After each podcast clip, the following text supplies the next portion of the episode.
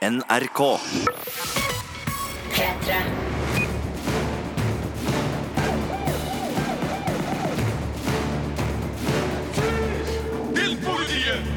Det er klart for en ny podkast fra oss i Filmpolitiet.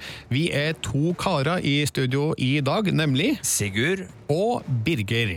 Og vi har sett både filmer og serier, og Sigurd, du har vært i finske skoger. Det har jeg. Der har det vært soldataction. Unknown Soldier er, eh, omtales som den finske Max Manus, og det foregår da i den finske fortsettelseskrigen på 40-tallet. Og så har du vært i verdensrommet. Det har jeg òg, sammen med Aksel Hennie, blant annet, fordi plutselig så slapp jo Cloverfield-film nummer tre, The Cloverfield Paradox, på Netflix rett på strømming denne uka. Den har vi sjekka ut og anmeldt. Jeg har vært på et eh, billig motell i Florida og sett eh, The Florida Project, en nydelig, varm, Oscar-nominert film. Og så har jeg vært i det kalde Nord-Norge og sett en eh, nederlandsk film kalt Forsvunnet, om et mor-datter-forhold som ja, sliter litt. Da kan det hende at vi får varmen i oss, fordi Kjersti Havdal, vår kjære kollega, har jo vært og sett uh, Fifty Shades-film nummer tre, som heter så mye som Fifty Shades Freed. Eh, Der kan det jo være hete saker, Birger. Ja, og så har du sett to serier som er aktuelle nå. Ja, Alan Ball, eh, kjent for mange som serieskaperen bak uh, Six Feet Under, en av bautaene til HBO, og True Blood, vampyrserien. Og så må vi jo også nevne at han har skrevet manuset til American Beauty. Han er klar med ny familiedramaserie på HBO Nordic, premiere på mandag og heter Here and Now. Og så er det sånn at uh, Krim fra Island har premiere allerede i dag, på fredag. Stella Blomkvist heter advokatetterforskeren vi følger der, og det er ganske så friske saker. Alt det her i denne podkasten fra Filmpolitiet som starter med The Florida Project. P3. P3. Filmpolitiet anmelder film. The man who lives in here gets arrested a lot. These are the rooms we're not supposed to go in. But let's go anyway. Could you give us some change, please? The doctor said we have asthma and we gotta eat ice cream right away. Here you go. Hey, Lee, got a situation here. Open up. It's only second week of the summer and there's already been a dead fish in the pool. We're trying to get it back alive. Water balloons thrown at tourists.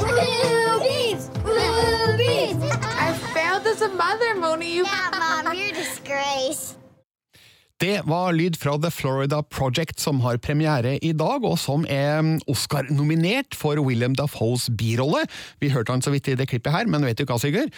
Den skulle ha vært nominert i mange, mange flere kategorier. For du eh, var rett og slett meget, meget begeistra av denne filmen? Ja, det her var en nydelig film, altså, som virkelig traff hjerterota mi.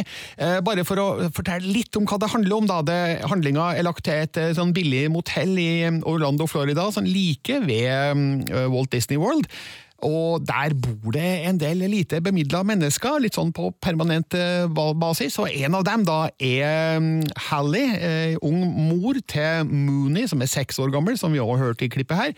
Og vi følger jo da deres hverdag og kampen om å skaffe nok penger til leia og til mat, samtidig som vi ser da en sånn stor kontrast da mellom moras eh, verden og, og Moonies litt sånn barnlige, leikende eh, virkelighet. Ja, jeg er jo en lettrørt fyr. Jeg begynte jo nesten å gråte litt bare når jeg hørte de her barnestemmene som beskrev det som tydelig er eh, helt forferdelige ting, sett gjennom barneøya og med barnelatter og sånn. Hvor- Hvordan er den uh, Ja, med det tanke på tårekanaler og Ja, sånne det, ting? det er uh, vondt og sårt, samtidig som at det er veldig morsomt.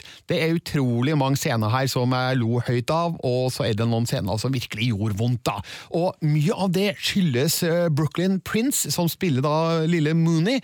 Hun er et funn av dimensjoner, som er virkelig en sånn ekte, naturlig eh, skikkelse foran kamera, og virker ikke som hun spiller, hun, hun bare er. Litt som hun jenta i uh, Beasts of the Southern Wild, som jeg òg var veldig begeistra for. Det er et eller annet med de her barnerollene som bare går all in, og, og treffer en en nerve, uh, nesten uten å prøve engang. Og det må jo være uh, takka være regissøren, da, Sean Baker, som må ha instruert de her barna, for det er flere av dem, da, utrolig godt. Og så har du da de her solide voksenrollene rundt, da, spesielt eh, William Dafoe i rollen som motellmanager, og også da nykommeren eh, Bria Vinaita jeg tror det uttales slik, som, som spiller mora til Mooney, eh, og som eh, Sean Baker rekruttert via Instagram. Eh, Så det her er hennes debutfilm, men hun spiller da utrolig godt. Jeg skal bare oppdatere Instagram-kontoen min med noen kule bilder. Birgit, bare fortsett, du. Bria Vinaite skrives det, men jeg tror det uttales Vinaitia. Noe sånt. Så The Florida Project er en va vakker, nydelig film, til tross for at den er litt sånn glorete og stygg, fordi det handler jo om eh, fattige folk som lever i eh, skyggen av den store kommersialismen i, i Florida. Altså, De beveger seg mellom sånne svære varehus med digre plakater og bannere som reklamerer for eh, forbrukersamfunnets eh, fortreffelighet, eh, som de sjøl ikke har mulighet til å ta del i, fordi de har jo ingen penger. Altså, du, jeg begynte å smågråte når du sa at de bodde ved siden av Disney World. Derfor det, Den kontrasten er jo hjerteskjærende i seg sjøl. Men jeg er jo veldig glad i amerikansk white trash eh, og de her motellene som folk bor på. Altså, I min verden så er jo motell noe du ikke har råd til, omtrent, for det, det koster jo penger. Men, men hotell og motell er jo, som du var inne på, det er jo der Ja. de, de ubemidlede holdt til. Hvordan er en på å fange opp det der eh, white trash-USA, som eh, noen av oss da kanskje er litt, har en ekstra forkjærlighet for? At den er nydelig på det, uten at det blir sånn white trash porn. Eh, ja, det hørtes litt feil ut. når jeg. Ja, jo, men jeg skjønner hva du mener. Altså, eh, Den velter seg ikke i white trash-klisjeer, men den formidler en, en virkelighet som jeg aner fins i USA, som vi har sett i, i flere filmer de siste åra. Jeg har nevnt Beasts of the Southern Wild, men også eksempel Hell or High Water er et eh, eksempel, og, og American Honey, som eh, har mye til felles med The Florida Project. Så eh, her har Sean Baker virkelig gjort veldig mye bra, og den har en avslutning som virkelig eh, riv, og så skal jeg ikke si noe mer enn det. Men gå og se The Florida Project på kino. Den har altså premiere nå i, i dag, og den fortjener en helhjerta Terningkast seks.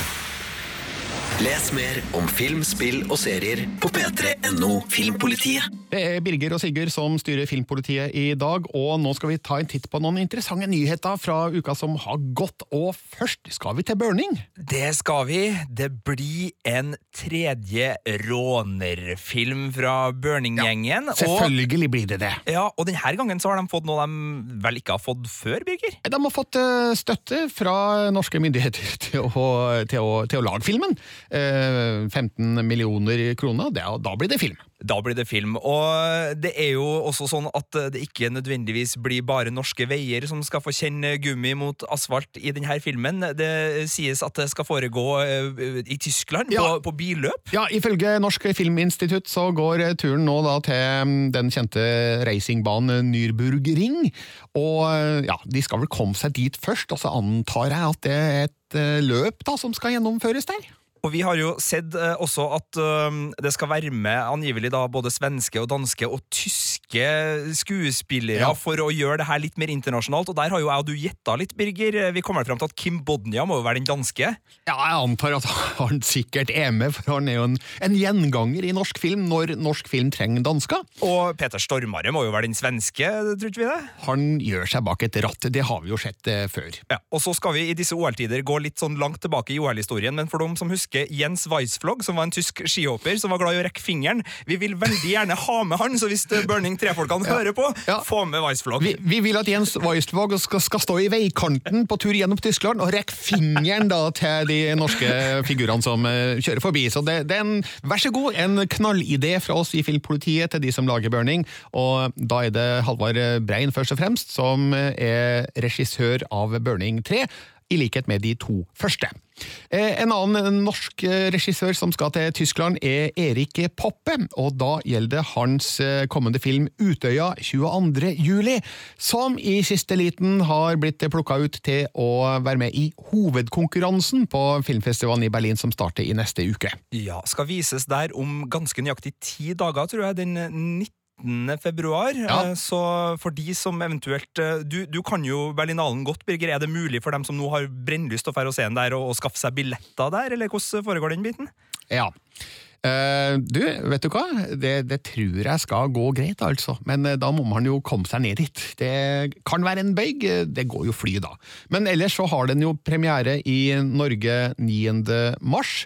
Og eh, vel, det er jo en film vi er ekstremt eh, spent på. Den eh, første store filmatiseringa av det som skjedde på Utøya, og ja, det skal bli spennende å se hva Erik Poppe har gjort da for å prøve å feste det her til, til film. Og så har vi fått en ny Star Wars-nyhet denne uka. Det gjelder Game of Thrones-skaperne David Benioff og DB Wise, som skal gjøre hva da, Sigurd? De skal lage Star Wars-filmer. Eh, Vi vet ikke hvor mange, det er ikke snakk om en trilogi denne gangen, men de er bekrefta for å lage flere Star Wars-filmer, da virker det som. Og det her er jo Clash of the Titans når det gjelder eh, underholdning, og når man slenger på at Amazon har brukt omtrent halve sparekontoen sin på å få seg Ringenes herre-rettigheter, og Star Wars og Game of Thrones-skaperne nå går sammen, så er det litt sånn der Det er ikke noe tvil om hvem som er på toppen av næringskjeden når det gjelder underholdningsfranchiser. Merker meg også at Marvel og, og DC kommer med nye filmer i år, så, så det er jo bare en befestelse da på, på hvor svært det her er når det gjelder økonomi og, og popularitet på, på verdensbasis. Jeg gleder jo meg. Og så vet vi at Ryan Johnson, som eh, regisserte den forrige, The Last Jedi, han skal jo lage tre nye filmer i Star Wars-universet, så det her er i tillegg til de, da.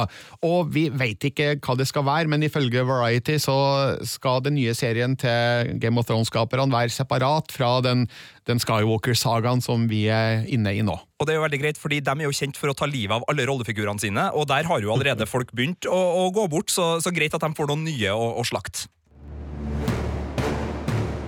Filmpolitiet. P3. Filmpolitiet anmelder film. Don't ask me Mrs. Gray, look out your window. what you know is true. I'm taking you away for the weekend. I just can't believe this is my life, that I get to live with you. Oh, I love your precious heart. Fifty Shades Free det er den tredje filmen i serien, og Sigurd, nå er det slik at vi har jo pleid å sende vår kjære kollega Marte Hedenstad for å se de filmene her. Vi føler at det, det her er kanskje filmer som bør ses og vurderes av kvinner av en eller annen grunn? Ja, det er noe en ting, Jeg har jo bare ikke sett noen av de forrige filmene, eh, og det har vel ikke du heller, så da Nei. falt det jo seg også ganske naturlig å, å få inn god hjelp på det her. Derfor har vi henta inn fra vår nettredaksjon Kjersti Havdal, velkommen! Takk for det. Jeg så deg med glede, vet du. Ja, jeg regner med at du gjorde det, men eh, har Norges Fifty Shades-fans noe å glede seg til? Altså, det her, altså, det her har jo vært uh, litt av ei reise uh, siden 2015, da den første filmen gikk på kino. Um, og skal vi tru filmplakatene til den siste filmen her nå, så er det jo nå klimakset eh, vi ikke må gå glipp av. Don't miss the climax, står det her. Du har Ja. helt rett. Det Svære står det. Eh, og det tør man jo ikke gå glipp av. Uh, men for å være helt ærlig, uh, så er jeg redd for at hvis det her var klimakset, da kunne man nok ha hoppa av i svingen, skal jeg si, mye før. Ja, nei, altså, man hadde jo kanskje forventa at det skulle være heiter og saftigere og ja, rett og slett litt mer av the good stuff. Ja, for det, det, det, det, det som er, da, det er på en måte mer av det vi har fått i de to forrige filmene, men ikke noe mer enn det. Nei. Eh, og som vi hørte i lydklippet her, eh, så har jo nå eh, Anastasia blitt Mrs. Grey. Så vi kommer jo rett inn til bryllupsklokkene i den tredje filmen her. Um, og det som på en måte var det spennende i de første filmene, var jo den her kjærlighetshistorien som var på en måte umulig. Um, vi satt og liksom ville at umulig kjærlighet skulle bli mulig. Og nå har jo de her to menneskene fått hverandre. Ja. Og da er liksom Hva står igjen da? Det går jo bare nedover da, etter det. Ja, Når man har etablert eh, forholdet, så ja, da går det jo inn i litt mer normale former, kanskje? det er akkurat det det gjør. Og det som er tydelig i denne filmen her, det er altså da at også uh, de her litt sånn spennende sexscenene Ja. har også blitt mer hverdagslige. Uh, de blir veldig fort tatt, tydeligvis, de òg, av det her ekteskapsgreiene. Um, I de tidligere filmene har det på en måte vært litt sånn der eh, spennende lær, mystikk, eh, det her playroomet til han eh, Christian Grey. Men nå så virker det som om eh, de to har på en måte bytta litt plass. De har på en måte funnet sin likevekt. Ja. Han har faktisk på overraskende kort tid blitt en ganske myk mann. Før så var jo han en person som nekta å dele seng med kvinner med mindre det var action. Aha. Han skal sove alene. Men nå så virker det som man liksom bare har falt til ro med at å sove med mennesker ikke er så farlig likevel. Mens eh, Anastasia igjen har gått fra å være her uskyldige jomfrua som har bare vært med på den reisa, eh, og nå er den som tar mye mer initiativ til litt sånn ja, noe kinkige scener. Jeg merka bare, øh, så gjennom traileren, hørte litt på dialogen. Eh, Kjenner du noen som snakker sånn som de gjør i filmen? der? Nei. Uh, jeg skulle til å si heldigvis ikke. um, nei, og det er jo det som er Det er, det er og det, det har gått gjennom alle filmene at det er litt kjipt manus. Det er på en måte, En ting er at historien kanskje ikke er så troverdig sjøl, men, men manuset på en måte hjelper ikke på da, eh, til å få oss til å på en måte tro på de her eh, to menneskene. Fifty Shades Freed går på kino nå, og Kjersti Havdal, du har rett og slett gitt Terningkast to. Les mer om film, spill og serier på p3.no Filmpolitiet. Du hører Filmpolitiet på P3. Jeg heter Birger, og du, Sigurd, heter Eh, Jeg tror det var Sigurd. Og du har sett en ny film som Netflix bare slapp helt plutselig natt til mandag. Det stemmer. Den heter The Cloverfield Paradox. Filmpolitiet anmelder film. Whatever you're doing, stop.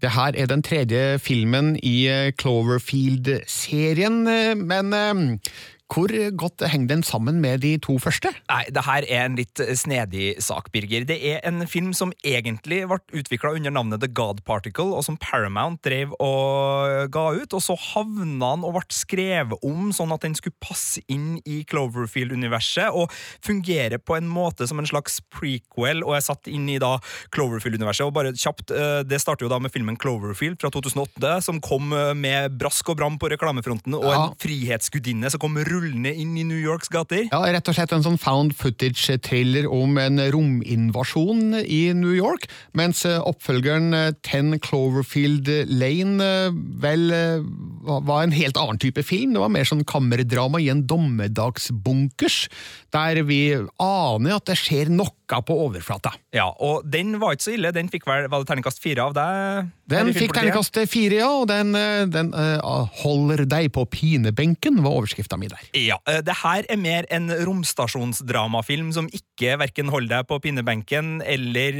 skaper noe særlig skumle eller spennende opplegg. Uh, Det er gode skuespillere, blant annet Aksel Hennie. Det er en stilig film som ser veldig bra ut, men det virker å være et sammensurium av halvkveda gode manusideer som gjør at filmen spriker i litt humorretning, litt spenningsretning, litt skrekk, litt drama, og den har noen eh, sideplott som ikke fungerer i det hele tatt eh, for å bygge opp eh, filmens stemning, og rett og slett litt sånn kjedelig og corny sak det her. Den huskes nok best for uh, lanseringa, som kom som et lite sjokk på Superbowl-søndagen, da reklamen på 30 sekunder kom rett etter finalen var ferdig og sa nå ligger den ute på Netflix. Folk hadde forventa den sånn i april eller noe sånt, tror jeg. Og det er jo et bra reklamestunt, men det er dessverre ikke en veldig god film. Helt grei popkornunderholdning for folk som elsker romstasjonsfilmer. Men eh, Aksel Hennie, da? Åssen er han? Han eh, spiller en eh, fyr som eh, er russisk forsker og har et navn som er ganske likt det navnet han hadde sist gang han spilte rompilot og nei, astronaut. Han spiller Volkov i The Cloverfield Paradox. Han spilte Alex Fogel i The Martian. Men nei, han er helt grei, og alle skuespillerprestasjonene her er helt grei. Han har annet en scene med et øye som er en av filmens beste, men blir bare en sånn helt karikert forskertype som gjør akkurat det en skal, og som er med. Det som virkelig er problemet i filmen, her, synes jeg jo, er jo at alle de tullete tilfeldighetene er ikke verken spesielt fiffig eller spesielt underholdende. Det er jo der jeg ramler av. Det her er så mye rart sausa sammen at det blir for meget, så kun for de spesielt interesserte. Den heter altså The Cloverfield Paradox, ligger på Netflix og får Terningkast to. Les mer om film, spill og serier på p3.no Filmpolitiet. Filmpolitiet hver fredag fra 11 til 1 på P3. Filmpolitiet anmelder film.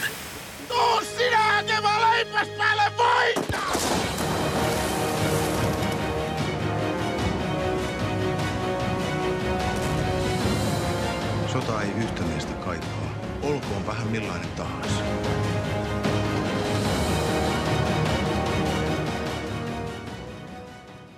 Unknown Soldier heter den altså da eh, på norsk. Eh, ja. eh, Den gjør det, og det er litt rart, fordi den er basert på boka Ukjent soldat, som selvfølgelig har en finsk originaltittel, men som heter Ukjent soldat på norsk, og de kunne nå glatt ha gitt filmen tittelen Ukjent soldat. Det Er, det, er det for å lure folk til å tro at det er en engelskspråklig film, det her? Eller så er det bare felles nordisk markedsføring med resten av Europa. Jeg vet ikke. Men, det får SF stå svar for. men- Nok om det.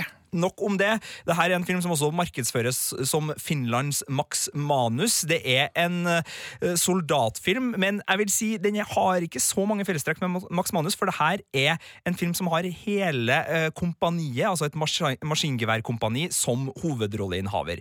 Foregår i den finske fortsettelseskrigen som varte mellom 1941 og 1944, som kom da etter vinterkrigen, og er en krig i hovedsak mellom Finland og Sovjet, hvor Finland først vinner tilbake territoriet som Sovjet tok i vinterkrigen, og så fortsetter de sin marsj inn i Sovjet, og så blir de skyvd tilbake igjen etter hvert som krigen går framover.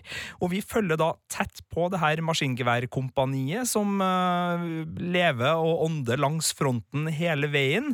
Eh, det er en brutal, rå og realistisk eh, krigsfilm som eh, bruker mye av ressursene, for den har eh, sju millioner euro som budsjett her, på å skape veldig sånn tette krigssituasjoner. Det ligger ikke på nivå med Dunkerque og Christopher Nolan her, men eh, jeg har sjelden sett eh, nattvinterlandskap og finske furuskoger blir så kvesta av kuler og, og militært utstyr som her, og det er rett og slett slående visuelle opplevelser på det filmatiske uttrykket. Men er det en sånn heltehistorie det her, som følger krigsfilmens konvensjoner? Jeg vil si filmen har, som mange gode krigsfilmer, en pasifistisk klangbunn. Altså, det er en film som viser fram krigens meningsløshet, men den er ikke fri for helter, og det er spesielt én rollefigur som er litt sånn en slags hovedperson, som er bonden Rocca, som både er veldig sånn eh, Han er en litt sånn opprørsk, eh, litt eldre soldat som ikke gidder å høre på befalet, og som er superflink med både granater og maskingevær, og som nesten nærmer seg en sånn Rambo-greie, der han bare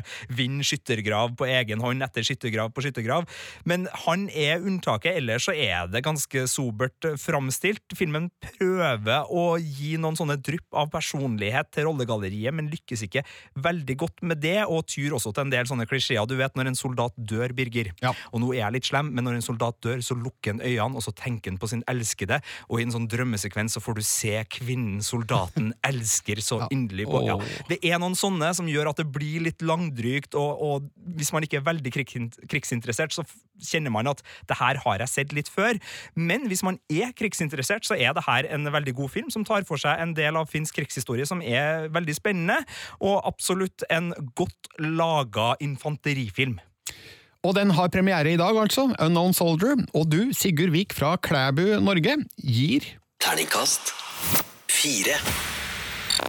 P3. P3 Filmpolitiet på P3.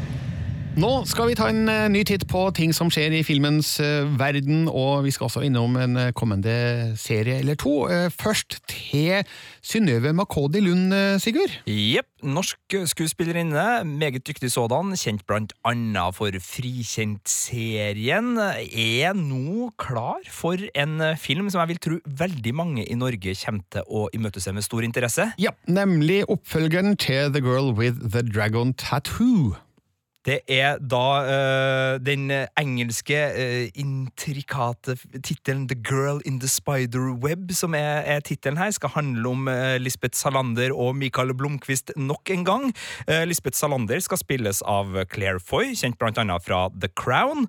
Og så er det Sverrir Gudnason som skal spille Michael Blomkvist. Ja, Sist sett som Bjørn Borg i Borg versus McEnroe. Det er tennistrivia, og det liker jeg. Uh, og så er det vel en uh, skuespillerinne som eh, vi likte godt i Blade Runner-filmen som kom eh, før jul, her, som heter Sylvia Hawkes, som skal spille eh, Salanders Er det tvillingsøster? Ja, det står det på Variety. Eh, De er kanskje ganske snarlike, men det er mulig det er snakk om toegga tvillinger. da. Vi, vi får se. Også danske Claes Bang, eh, sett og elska i eh, Ruben Østlunds The Square, han skal spille skurk i den eh, nye filmen. Og eh, da vet vi ikke hvem Synnøve McCoddy Lund skal spille.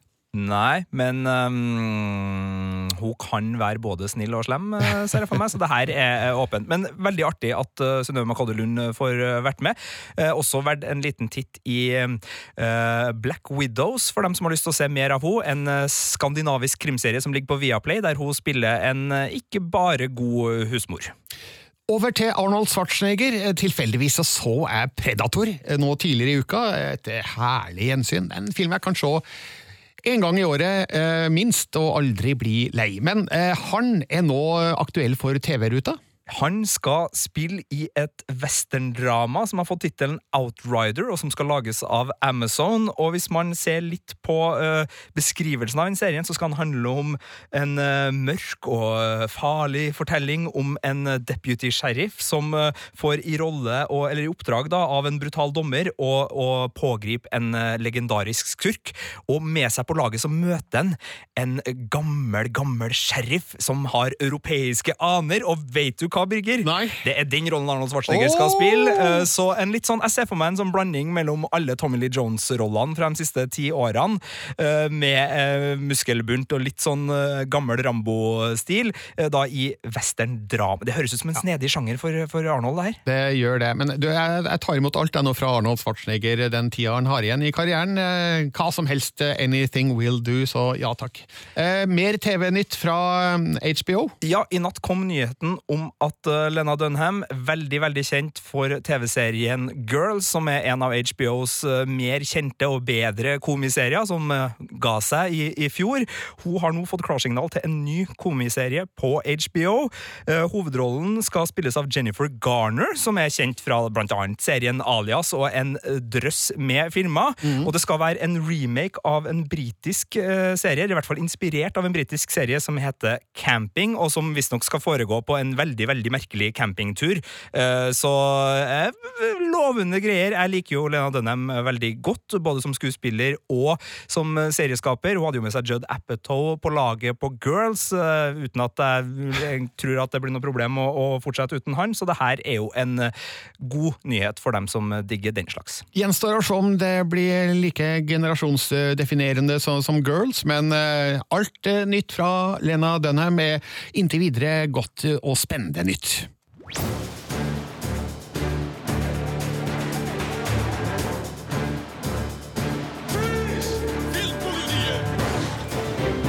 P3. Filmpolitiet anmelder film. Ben je lang terug?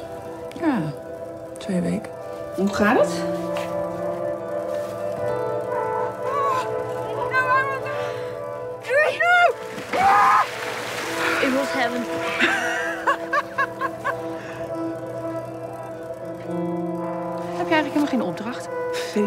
Gek of zeg jij gewoon wat op? It was nice to see you. man. It's been a long time.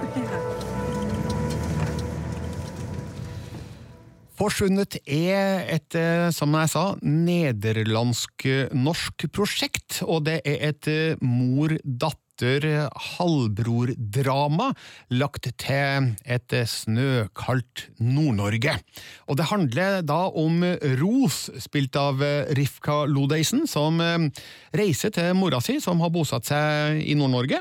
Eh, og der bor også hennes eh, halvbror Bengt, som er 13 år, spilt av Markus Hansen. Og der bor også Jonny, som vi da etter hvert forstår er Ros sin gamle flamme, spilt av Jakob Oftebro. Og så forstår vi enda litt senere at eh, det er en spesiell grunn da til at Ros har eh, kommet på besøk denne gangen. Ja. Eh, Nordmenn som drar til Nederland, spesielt til Amsterdam for å slappe av i ferien. eh, Kjent fenomen. Kom seg unna slappe av litt. Eh, det- det- Nederlendere som stikker til iskalde Nord-Norge, og det ser du omtale som randsonen av sivilisasjonen i, i anmeldelsen på Det, nettet. det, det er kanskje sånn det fremstår for nederlandske kinogjengere, i hvert fall. da. Eh, Det er sikkert ganske eksotisk for dem, da. Eh, Det her norske landskapet, nordnorske landskapet med høye fjell og tett skau og veldig kaldt og frossent. Og ja, det er vel en eh, slags allegori også da, for disse figurene, fordi de er litt eh, kalde og ugjestmilde, i hvert fall i utgangspunktet, og man forstår at det, det, det er et veldig dårlig forhold mellom mor og datter i, i filmen, og ting skal på bordet, og man er nok ute etter en viss grad av fred og forsoning her på flere måter, som jeg ikke skal avsløre, men eh, ja, det er sympatisk i utgangspunktet det her, og så er det litt, eh, litt kjedelig også. Eh, Syns at dette mor-datter-forholdet, det vi, vi får aldri en, en skikkelig god et skikkelig godt klimaks da, på dette. De, det, er en, det er noe som ligger der eh, og gnag på begge to, men eh, det kommer aldri helt opp i dagen hva det dreier seg om. Men, men det blir antyda, i det minste. Eh, og så er rollen til Markus Hansen Han er veldig flink. En eh, ung norsk skuespiller. Han er dyktig, men eh, rollen hans eh, er, lagt til å gjøre litt rare ting. Altså, han står i en islagt foss og spiller inn lyder som han så skal lage kunstmusikk er, og for, og det er ikke det norske 13-åringer driver på med, da. Spørs på vennekretsen din, Birger. Det spørs på vennekretsen din. Du, En annen norsk skuespiller som er med her, Jakob Oftebro, han er nå klar for å skal spille eh, Hamilton i svensk eh, krimserie. Han har vært i Danmark og spilt eh, en ung Tordenskjold som har lyst på hund. Altså, Det er jo en av de mer europeiske skuespillerne vi har her i Norge. Ja, jeg syns han dukker opp overalt, det, og det er jo ikke rart da, at internasjonale produksjoner skjer til han når de trenger en norsk skuespiller til en rolle. Og nå, det, nå er det ikke en stor rolle han har her, men han rekker å gjøre inntrykk som Johnny, så han er jo et av høydepunktene da i denne filmen. Forsvunnet eh, er mm, helt grei, men jeg sitter ikke igjen med det store inntrykket etter å ha sett den, litt fordi at eh, regissøren kludrer det til for seg, spesielt på slutten, der han har et fantastisk bra avslutningsbilde, men velger å gå litt videre med litt andre bilder før det er helt slutt. Og ja, Da sitter jeg igjen med inntrykket av at det her er middels eh, greit, det kunne ha vært eh, mye bedre. Forsvunnet får Terningkast fire. Les mer om film, spill og serier på p3.no Filmpolitiet. Filmpolitiet anmelder TV-serie. ikke bare én serie, men to serier, Sigurd, har du sett den siste uka? Det stemmer, og la oss nå starte med den som det er knytta mest forventninger til, for Alan Ball, en serieskaper som har gitt oss True Blood og Six Feet Under, er klar med Here and Now på HBO.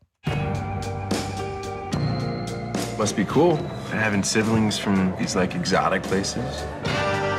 It could have been if we weren't advertisements for how progressive our parents were.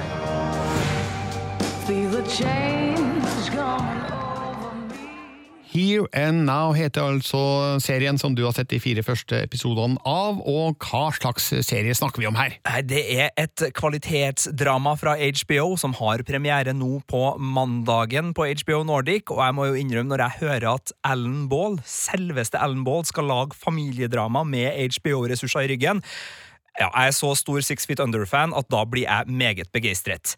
Og det er nok en kompleks storfamilie han lager her. Han har fått med seg Tim Robbins og Holly Hunter som uh, ekteparet i toppen av det her familien. De har adoptert tre barn, ett fra Colombia, ett fra Vietnam og ett fra Liberia, i tillegg til at de har en biologisk datter. Det her er voksne barn som har igjen sine egne familier. Her snakker man da tema som religion, seksuell frigjøring, man snakker om amerikansk utenrikspolitikk, man snakker om transpersoner, og man snakker om så mye, Birger, at det rett og slett blir for mye denne gangen fra Alan Ball. Han har voldsomme ambisjoner med denne veldig konstruerte, moderne, progressive familien, som sender oss ut i så mange retninger i de fire første episodene at det blir krevende og seigt og ganske sånn tungt å følge med, og har aldeles ikke den samme umiddelbare kroken som både da True Blood og Six Feet Under har på sitt publikum. Litt skuffende å høre, men eh, altså, ser du noe her som kan tyde på at eh, ting kan redde seg inn igjen? Ja. eh, For det første så er det Alan Baalsk i, i alle sine fasetter. Det smaker veldig av han. Her er du i et godlynt Portland i USA. Det er sex, akademia, cannabis og masse sånn fin, litt sånn laidback amerikansk flyt. Og så er det jo byggeklosser nok her til å virkelig kunne angripe USA anno 2018, sånn som det virker som Alan Baal har veldig lyst til å gjøre. Problemet er bare at med serier som This Is Us, Transparent, Better Things, som alle er serier som tar opp moderne amerikanske familieproblemer og utfordringer, så, så, så er den ikke i samme drivet og har en mer sånn selvhøytidelig og anstrengt stil. Men det er masse potensial her. Jeg kommer til å følge med videre fordi det er Alan Ball, men litt skuffende start fra mesteren. Here and Now får Terningkast fire.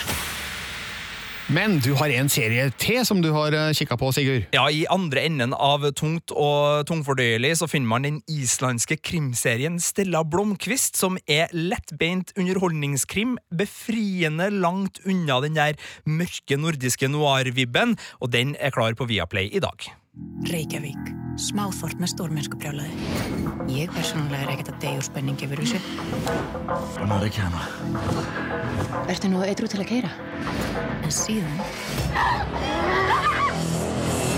gerðist þetta. Kort om handlinga her, Sigurd. Eh, Stella Blomkvist er advokat, eh, får en sak da hennes klient blir anklaga for å ha drept noen på statsministerens kontor. Eh, Det her er da en småkriminell doplanger, så hvorfor i all verden skulle han begå et politisk drap i Røykjavik? Og hvorfor er det så mange hemmeligheter? Blant annet så prøver søsteren til statsministeren å villede Stella. Så det er det enkle utgangspunktet, og det her er, det er nesten sånn parodisk krim i perioder, litt med en sånn smak av eh, mann med en nakne pistol og en del sånne ting, samtidig som det er enkel og god krim, og det som gjør det kult, er at uh, Heida Reed, som spiller Stella Blomkvist, har skapt en veldig sånn kul og sjølsikker og hardtslående krimetterforsker, sånn som vi virkelig liker. Hun drikker whisky, hun planter den høye hælen på skoa si i kinnet på politifolk hun er nødt til å slåss med, og er rett og slett bare ei sånn film noir-heltinne som er litt snytt ut av samme penn som Philip Marlowe og de gamle, klassiske amerikanske noir-detektivene. Anmeldelsen av både Stella Blomkvist og Here and Now finner du på p3.no Filmpolitiet, og eh, også Stella Blomkvist får Terningkast fire. Les mer om film, spill og serier på p3.no Filmpolitiet.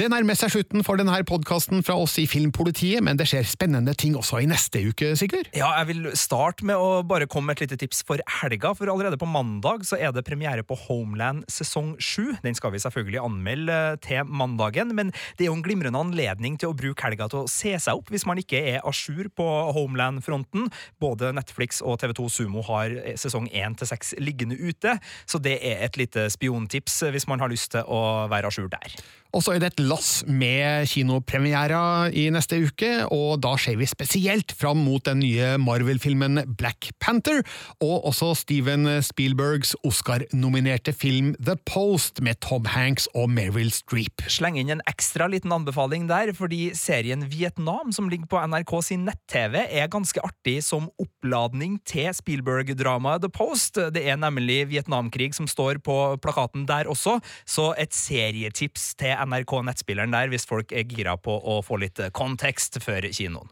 Jeg heter Birger, og du heter Sigurd. Og vi blir veldig glade hvis du går inn der du henter podkast, og gir oss en rating og en anmeldelse. Eh, helst av en positiv art, kanskje? All tilbakemelding tas imot, Birger. Ris eller ros. Vi vil jo gi dere det beste vi kan, så gjerne gi oss en liten pekepinn på hva dere vil ha. Tusen takk for nedlasting og lytting, og så er vi tilbake med en ny podkast om en ukes tid. Du finner flere podkaster på p3.no podkast.